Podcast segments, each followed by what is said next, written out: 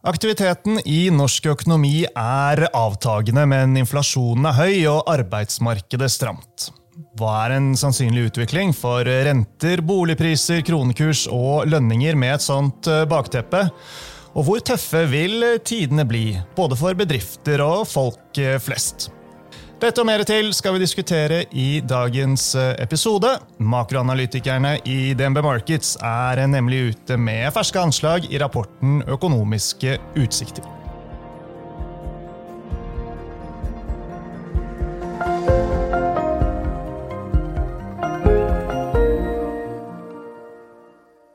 Velkommen til eh, Utbytte, DNB-podkasten der vi forklarer hva som skjer i den globale økonomien og finansmarkedene. Jeg er Marius Brun Haugen, og med meg har jeg makroøkonom Kyrre Omdal og valutastrateg Magne Østnord. Velkommen tilbake i studio, begge to. Takk. takk, takk. Vi tre har jo jobbet sammen i uh, mer enn ti år, men uh, likevel så føler jeg jo da at det passer seg med en litt sånn formell introduksjon når vi lager podkast til uh, kundene. det er jo også noe med at vi ikke skal ta hverandre for gitt. Og apropos det der med å ta noe for gitt. Kyrre, skal vi ta det for gitt at Norges Bank er ferdig med rentehevingene sine etter eh, septembermøtet?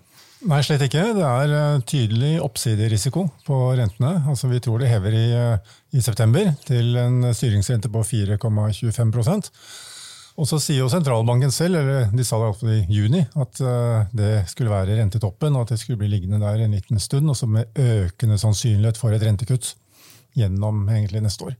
Men, det er jo den linja dere har lagt dere på? Ja, vi har jo egentlig den samme banen på sånn i store trekk.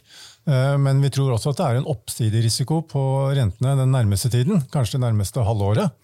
Eh, før det eventuelt eh, snur til å bli mer nedsiderisiko etter hvert. Mm. Og Det er jo ganske godt i tråd også med markedsprisingen, som langt på vei priser inn enda en renteheving etter september. Ja, for det var det jeg skulle til å si. Altså, eh, markedet venter jo en litt høyere styringsrentetopp. Gjør det ikke det? Altså, hva, er det hva er det dere ser som markedet ikke ser? Ja, Eller blir det for uh, detaljer, dette her? Det er ikke alltid så godt å vite akkurat hva markedene ser her. Jeg tror kanskje vi legger litt mer vekt på at eh, Norges Bank nå har satt rentene ganske mye opp. Uh, komme på et nivå hvor vi tror det ser ut som renta biter egentlig godt til økonomien. og Det var også et signal som sentralbanken ga i, på møtet i august at eh, de nå ser effekter av høyere renter. Så eh, det er ikke sånn veldig åpenbart eh, at de vil fortsette å sette renten opp, selv om de skulle få litt, ytterligere litt overraskelser på inflasjonsbildet f.eks.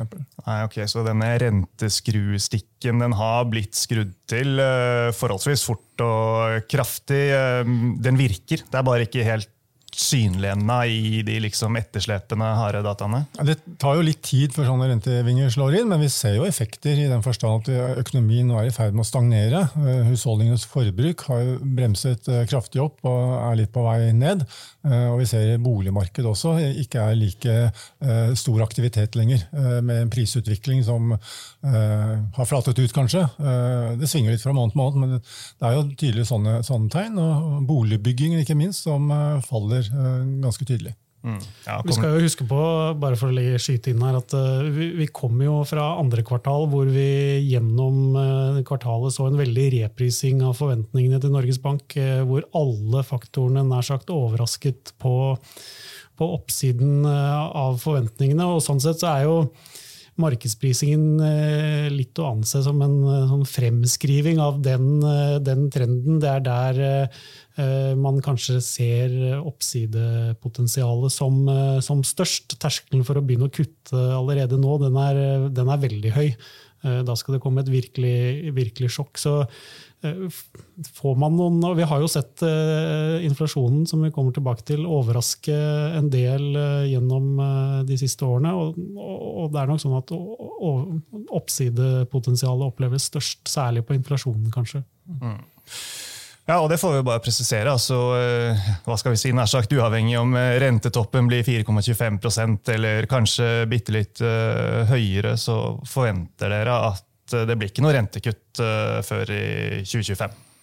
Ja, I slutten av 2024, sånn desember. desember 2024, det, men det får ikke noen særlig effekt da, før ut i 2025. Nei. Nei. Det er ikke et stykke fram i, i, tid, men igjen, hvis det er omslag i økonomien blir veldig mye mer synlig, så, og, og, rentekuttene kommer raskere internasjonalt, f.eks., så vil jo fort Norges Bank kunne følge etter. Ja. Hvor avhengig er Norges Bank av det som skjer eh, internasjonalt? Altså, hvis det bildet snur seg, eh, Fed uh, kommer ikke i kuttmodus i andre halvår i 24, sånn som man venter, vil det også fort kunne tvinge Norges Bank til å ha høyere lenger? Ja, det er ikke sånn det er noen direkte sammenheng, at de følger etter sentralbanken ute for å gjøre det samme som de eh, som sådan. Men eh, det er jo særlig to effekter som betyr noe. Det ene er renteforskjeller og dermed valutakurs. Eh, som eh, gjør at renteendringer ute smitter over mot, eh, mot, Norge. Og det andre er jo at når rentene senkes internasjonalt, eller heves, for den saks skyld, så reflekterer et økonomisk bilde som også treffer norsk økonomi. Mm. Og som gjør at Norges Bank får måtte, de samme problemene å håndtere som sentralbanken ute. Ja. Nå lyste Magne opp her. Vi kommer snart til valutakursen, Magne. Mm, bra. Men de fleste av oss de, de har fortsatt jobb. Ehm, man får kompensert i hvert fall deler av prisveksten med høyere lønn. Eh, men det er ikke bare bare om dagen for det. Altså, men hvordan ser dere på uh, dette her med lønnsveksten, og hvordan den vil bli framover sammenlignet med forventningene til prisveksten? Ja, Vi fikk jo på en måte et ganske høyt lønnsoppgjør i år, når vi sammenligner med hva som har vært det vanlige de siste årene. Eh, men i forhold til prisveksten så ser det ut som det var litt eh, lite allikevel. Og vi tror det blir nedgang i reallønnen for de aller fleste i, eh, i år. Så vi venter jo en samlet prisvekst på 4,8% og det er det samme som året før. Og lønnsvekst på, på 5,5 så er 4,8, så mente jeg 5,8, og lønnsvekst på 5,5. Mm. Så litt reallønnsnedgang i år. Neste år så ser det ut som prisveksten blir eh, en del lavere, eh, rundt 4,5% kanskje litt under. Og eh, da tror vi nok at lønnsrammen fort vil ligge på rundt 5 eh, og at i sum kanskje lønnsveksten ender ut på litt over det, 5,2 eller noe sånt. Mm. Så det gir eh, litt reallønnsvekst. Det er jo ikke mye, kanskje, i lys av de fallene vi har hatt den siste tiden, men det reflekterer jo også på mange måter en litt vanskeligere periode økonomien har vært, i, vært igjennom. Og så ser det ut som om lønnsomheten i bedriftene, og kanskje særlig industrien, holder seg ganske godt oppe, som gir rom for å ta ut en såpass høy lønnsvekst. Og eh, det er vel omtrent en tilsvarende lønnsvekst vi ser eh, blant våre viktigste handelspartnere. Ja. Så arbeidsmarkedet må vi regne med blir litt slakkere, men det skal jo holde seg relativt bra. Tidene blir litt tøffere, vi får litt mindre å rutte med, men kanskje ikke krise mye mindre. Eh, samtidig, inflasjonen eh, den skal komme ned, eh, i hvert fall til en viss grad. Er det ikke, er det ikke ganske mye som skal klaffe her? Jo, for så vidt, men det er jo en del ting som, som, som kommer si, litt automatisk. Altså, energiprisene har jo kommet ganske mye ned i forhold til hva, hva det var på topp i, i, fjor. Så vi tror ikke at vi skal gjenta de samme prisøkningene i år. Og det vil jo gi mye lavere og til dels negative impulser inn mot inflasjonen. Eh, men vi tror det er en ganske bra vridning, eh, slik at en del varepriser faller. Andre varepriser der stagnerer eh, veksttakten på moderate nivåer. Men så får vi en, fortsatt en økende prisvekst for prisene på tjenester. Og Det er kanskje der lønnsveksten stadig får mer gjennomslag. Det, vi synes jo å se tegn til det allerede, at, det, at, oppgangen i lønnsveksten begynner å få mer betydning for prisveksten nå enn det som var tilfellet i fjor f.eks. Mm. Sånn veldig kort uh, hva er det dere venter vil skje med boligmarked og priser? Er vi fortsatt der at det er for lite som bygges, og boligmarkedet kommer ikke til å knekke helt? Risikoen er ikke så stor for det? Ja, det, er, det, er, mange effekter som slår inn her. Eh, og det er klart Oppgang i, i rentene og, og, litt svakere arbeidsmarked, eh, og også sånn reallønnsnedgang, er jo forhold som uh, tynger boligmarkedet. Og Vi har ikke sett så veldig store utslag av det ennå, men, men prisen har jo flatet ut. Og Så begynner vi å se tegn til at omsetningen kanskje svikter litt, og at mange hiver boligene ut på, på, markedet. Men så har vi en del andre forhold på etterspørselssiden som kanskje kan være positivt. Vi har ganske sterk befolkningsvekst, mye gjennom, gjennom flyktninger og innvandring. Og så har vi Eh, nettopp det at boligbyggingen har vært på vei ned en stund nå. og Når det har holdt på litt over tid, så bidrar det til å, også til å balansere markedet. Så vi tror jo at vi går inn i en periode nå hvor det er, kan være en svak nedgang i boligprisene. Eh, men innover i neste år så venter vi at dette snur og blir til en viss oppgang. Og så eh, tar det seg mer opp igjen i, i årene etterpå. Ja. Det er jo tøft for eh, store deler av bygg og anlegg om dagen, eh, er det ikke det?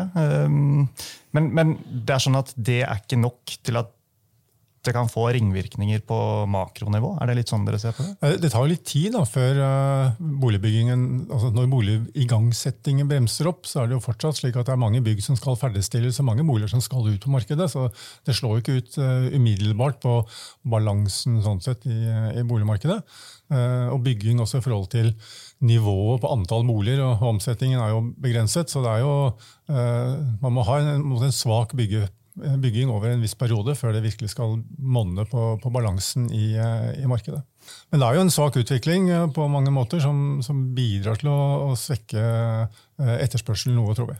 Mm. Jeg tenkte også i forhold til arbeidsledighet og litt sånn generelt, at det er en sektor som har motvind om dagen. og potensielle konsekvenser det kan ha på økonomien generelt. Ja, altså For arbeidsmarkedet sin del, for boligmarkedet så betyr jo ofte utviklingen i ledigheten en del. Eh, vi må jo huske på hvor vi kommer fra. og en, Vi har en arbeidsledighet nå, en registrert arbeidsledighet på 1,8 mm. Og den absolutte bunnen vi har målt på sånne sesongjusterte tall, er på 1,5 Så vi ligger jo og vaker like over eh, måte, rekordsterkt eh, arbeidsmarked. Vi har et ganske høyt nummer, antall ledige stillinger. Så uh, Det er et uttrykk for at presset i arbeidsmarkedet fortsatt er ganske bra. Det kommer til å svekke seg. Eh, tror vi, da, og anslår en registrert ledighet på 2,5% neste år. Det er ganske nær en sånn eh, slags likevekstledighet kanskje i økonomien, og det er under det som er et langsiktig gjennomsnitt. Så selv om det er en svekkelse her, sånn, så er det ikke til noen sånn dramatisk, eh, dramatisk høy ledighet, sånn som vi har sett ved enkelte tidligere tilbakeslag. Nå skal vi snakke valuta, og Magne, den norske kronen den eh, har vært svak. Og så var det litt sånn eh, tegn til muskler i løpet av sommeren. Eh, men så vet vi at dette her eh, svinger jo. Eh, du står på at den norske krona skal eh, tape terreng igjen, den. Hvorfor det? Ja, Det er på litt sikt. Så ser vi, ser vi for oss det. Og det det mener vi handler om en del av de mer strukturelle faktorene. Så da må vi løfte blikket litt og, og også se litt lenger bakover i tid, hvor vi jo har eh, bak oss eh, ca. ti år med ganske jevn eh, kronesvekkelse, egentlig. Og i, våre øyne så handler jo dette mye om at vi her hjemme har hatt høy lønnsvekst, høy prisvekst over lengre tid. Høyere enn hva våre handelspartnere har hatt. Og på den måten så har egentlig den kronesvekkelsen vært eh, nødvendig for å kunne eh, opprettholde den eh, det vi kaller kostnadsmessige konkurranseevnen overfor våre handelspartnere. Og Samtidig så ser vi at gjennom den samme perioden så, så er det klart norsk økonomi har blitt truffet av en rekke sjokk. Men, men vi har jo jevnt over hatt uh, høy kapasitetsutnytting, vi har hatt lav ledighet, vi har hatt uh, ganske bra vekst. Vi har hatt inflasjon som ja, den har ikke vært altfor langt fra målet. Og, og, og, vi mener jo egentlig at en måte, det har vært ganske god balanse i, i innenriksøkonomien, til tross for da, en gradvis svakere krone. Um, og så tror vi det er noen andre faktorer som også spiller inn, bl.a. at Eh, nordmenn sparer stadig mer eh, i, eh, i, utlandet. Vi har fått en pensjonsreform som har, gjort, har løftet sparingen på agendaen og bidratt til det. Og det skjøt jo selvfølgelig fart under pandemien, da, da vi så sparebufferne virkelig bli, bli bygd opp. Da. Så Kanskje får vi ikke det samme draget mot svakere kroner fra den kanten eh, nå som vi går litt trangere tider i møte, men, men vi mener det er noe underliggende, noe strukturelt, da, som vi fortsatt vil ha med oss uh, fra, fra den, uh, den, kanten. Og da syns vi det er rimelig å legge til grunn at vi også skal se en forsiktig svekkelse. Og jeg vil jo legge til at det er jo uh, Vi har et anslag for euro-norske på 12 blank på tolv måneders sikt. så det er, ikke, det er, ikke, veldig mange prosentene, og ikke samme måte, drag i kronesvekkelsen som vi så på slutten av fjoråret og begynnelsen av mm. i år, hvor måte, alle faktorene, både strukturelle og sykliske, trakk i retning svakere krone. Da. Men at en euro vil koste rundt 12 kroner, det er på en måte normalen som vi må eh, forvente oss. Ja, vi tror, eh, vi tror det, og vi tror jo også at eh, på en måte de tilpasningene man ofte forventer da, til store valutakursbevegelser, både blant husholdninger og, bedrifter, de, de, har vi sett i litt begrenset grad her hjemme. Vi har ikke måttet vri forbruket mot innenlandske varer og tjenester. Og, og inntjeningen i eksportnæringen vår har jo blitt eh, bedre, selvfølgelig, men aktiviteten har ikke blitt eh, så veldig mye løftet av, eh, av den kronesvekkelsen. I hvert fall når vi ser på, på hvor mye den har svekket seg. Da. Mm.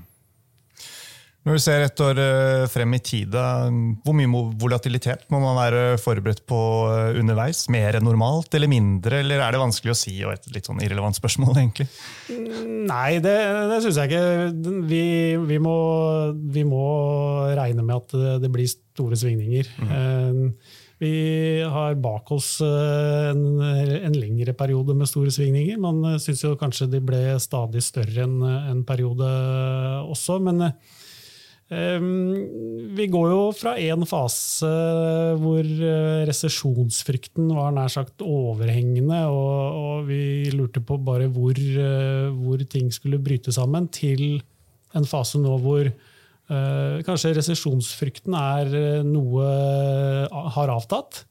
Men samtidig hvor prisingen i deler av finansmarkedene nok må sies å kanskje være strukket. I hvert fall om vi får rett da, i at vi vi står foran en avmating eh, i, i veksttakten, eh, og, og, også at vi ja, kanskje særlig forbruket blir svakt i, i, noen kvartaler framover. Så da vil jeg jo skynde meg å legge til at vi har jo et litt mer balansert bilde for kronen i et litt kortere perspektiv. Mm.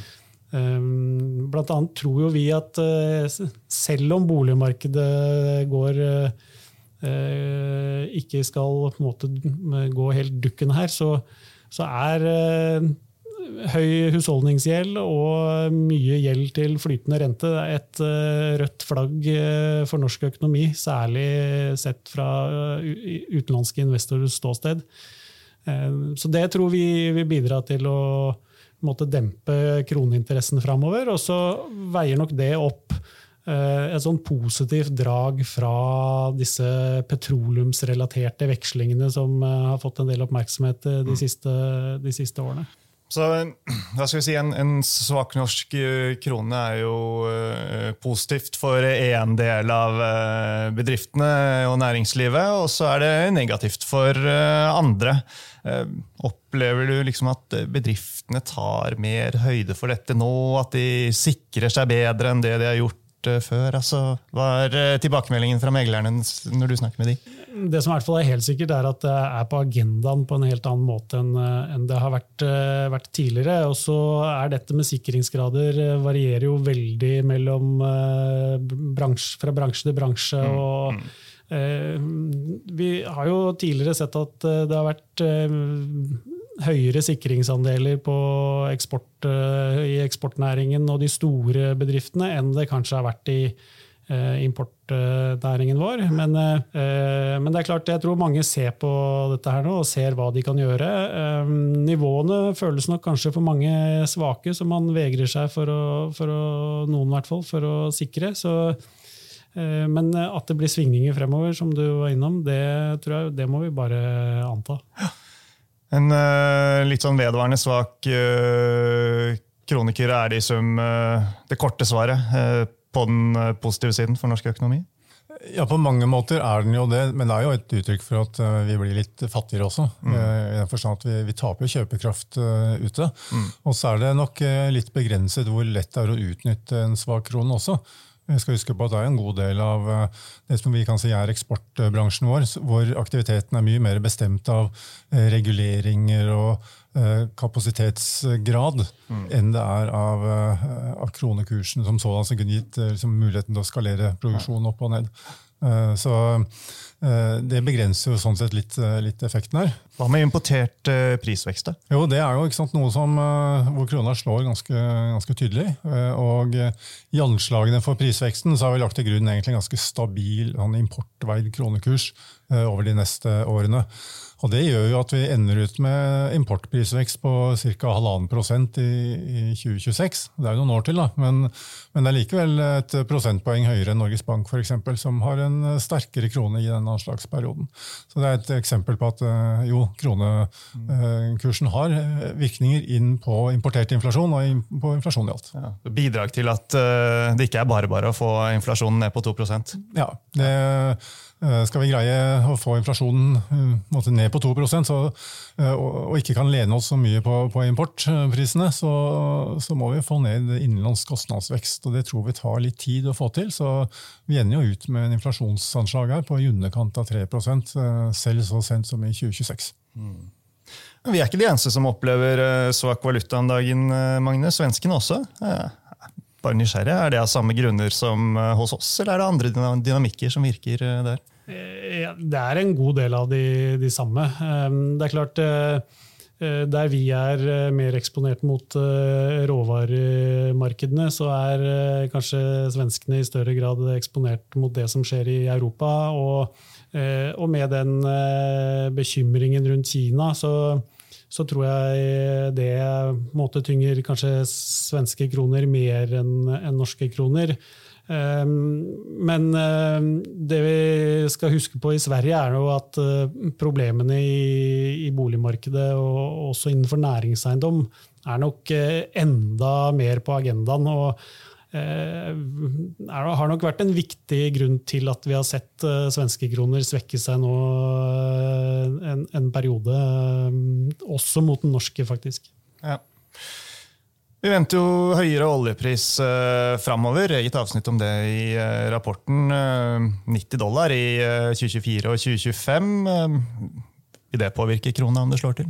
Ja, det er jo en faktor vi har på den, eh, lagt på den positive siden. Eh, det er klart, eh, sånn prosentvis nå fra nivåene vi ser på 85 dollar, så er, så er det jo ikke veldig, veldig mye. Um, men, men, vi skal huske på at ene er jo at vi har et budsjettunderskudd vi skal finansiere, som betyr at vi over et år skal kjøpe mer kroner enn vi selger gjennom disse petroleumsrelaterte vekslingene. Men så vet vi også at inntjeningen i i petroleumsselskapene er, er god. Utbyttene er høye, tilbakekjøpene er også høye. Så det, skal, det, er også kroner som skal kjøpes. Um, så det er en uh, differanse på ja, Vårt anslag er på liksom ca. halvannen milliard per dag, da, hvor, kjøper, hvor oljeselskapene kjøper mer kroner enn hva Norges Bank uh, selger.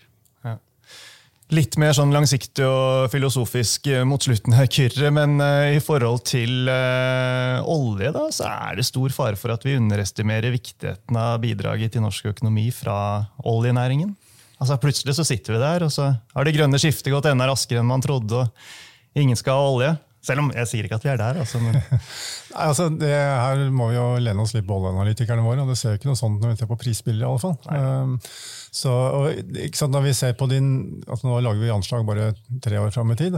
Men olje og gass er viktig for norsk økonomi? Det, det, er helt riktig, og det er det jo fortsatt. og vi venter jo, sant, For norsk økonomi så anslår vi egentlig en, sånn, en stagnasjon eh, det nærmeste året, eller halvåret, halve året, eh, før det gradvis tar seg opp igjen. Men vi venter også ganske store vridninger i dette. Vi har hatt privat forbruk og til dels eh, byggebransjen eh, går uh, dårlige tider i møte. Og så har vi en ganske sterke stimulanser fra oljeinvesteringene som drar seg opp, og med, de ringvirkningene det har inn mot store deler av industrien, og også ganske mye mot tjenesteyting.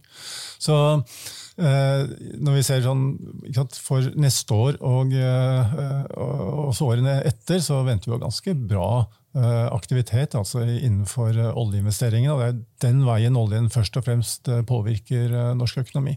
Så på kort sikt så er vi store positive effekter fra, fra olje- og gassektoren ennå. Så altså, Selv om ingen, si, ingen krise når dere ser i krystallkulen, men tidene blir jo litt tøffere. Det det ser man eh, komme. Eh, rentene går høyere, risikoen er på oppsiden. De skal være høye en stund, i hvert fall i forhold til hva de har vært hva vi har vært vant med da, mm. siden ja, de siste på, på, på, mange år.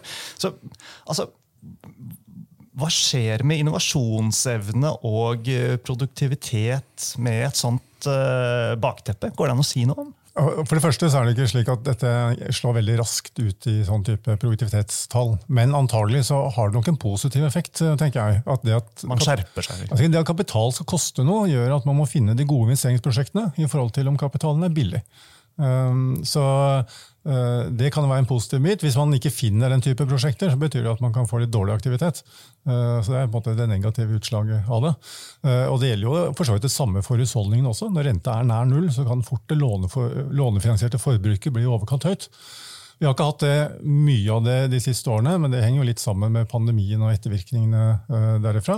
Men det er jo et, eh, et, problem, og det var jo det som var tydelig på, på 80-tallet, hvor, eh, hvor, vi forbrukte mye mer enn vi tjente, og, og lånefinansierte deler av, av, forbruket. Eh, så det kan nok være at vi får en, en, en smell på forbruket her, og betydelige vridninger internt på hva husholdningene vil, vil kjøpe, og at husholdningene er litt mer nøye med, med, når de skal bruke pengene, rett og slett fordi de merker at de pengene de må tjenes, og ikke bare lånes. Ok, jeg er litt Jeg er fortsatt litt bekymret for at rentene skal en del høyere enn dere anslår, at uh, smellen i økonomien kan bli enda større enn det dere skisserer, da, fordi at man tar i for hardt da, for å f.eks. tøyle denne prisveksten. Er, er, jeg unødvendig bekymret? Nei, altså vi sier jo også at det er oppsiderisk her. og Særlig nå den første halvåret. Uh, og så kan det jo være at renten skal mye mer opp altså enn bare en, sånn en kvarting til. Det, men hvis det skal skje, så må det jo være fordi for at det går veldig mye bedre i økonomien enn man har trodd. Akkurat. Da, da, ja, da, er det, liksom, det er, er det, ille på en måte, men samtidig så er det jo godt med den økonomiske veksten som er, holder seg høy. Det kan være at inflasjonen overrasker enda mer på oppsiden, som gjør at Norges Bank føler seg tvunget til å stramme mye til.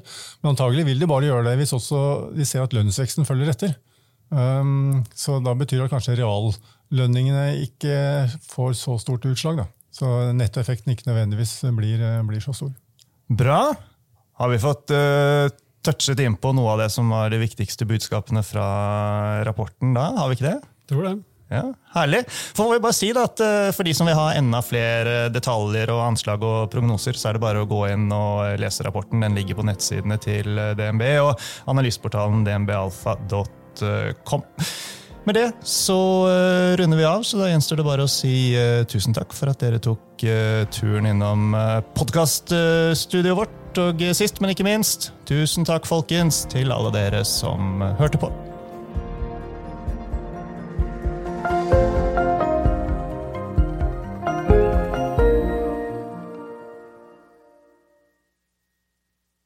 Denne sendingen ble publisert i podkasten Utbytte. Innholdet i sendingen er å anse som markedsføringsmateriale fra DNB og er ment å være generell spareveiledning. Sendingen skal ikke oppfattes som et tilbud om å kjøpe eller selge finansielle instrumenter, eller som investeringsrådgivning tilpasset den enkelte investors situasjon. En investor som har behov for råd eller har spørsmål og informasjon som gis, bør kontakte en finansrådgiver. DNB påtar seg ikke noe ansvar verken for direkte eller indirekte tap som følge av innholdet i sendingen legges til grunn for eventuelle investeringsbeslutninger. Husk at historisk avkastning aldri er noe garanti for fremtidig avkastning. Avkastningen kan bli negativ som følge av kurstap. Bruk av prognoser for å beregne fremtidig avkastning er heller ingen garanti for fremtidig avkastning. Innholdet i sendingen bygger på informasjon fra offentlig tilgjengelige kilder som DNB ser på som pålitelige, men som ikke er uavhengig verifisert. Følgelig gir DNB ingen garanti i forhold til nøyaktighet og fullstendighet.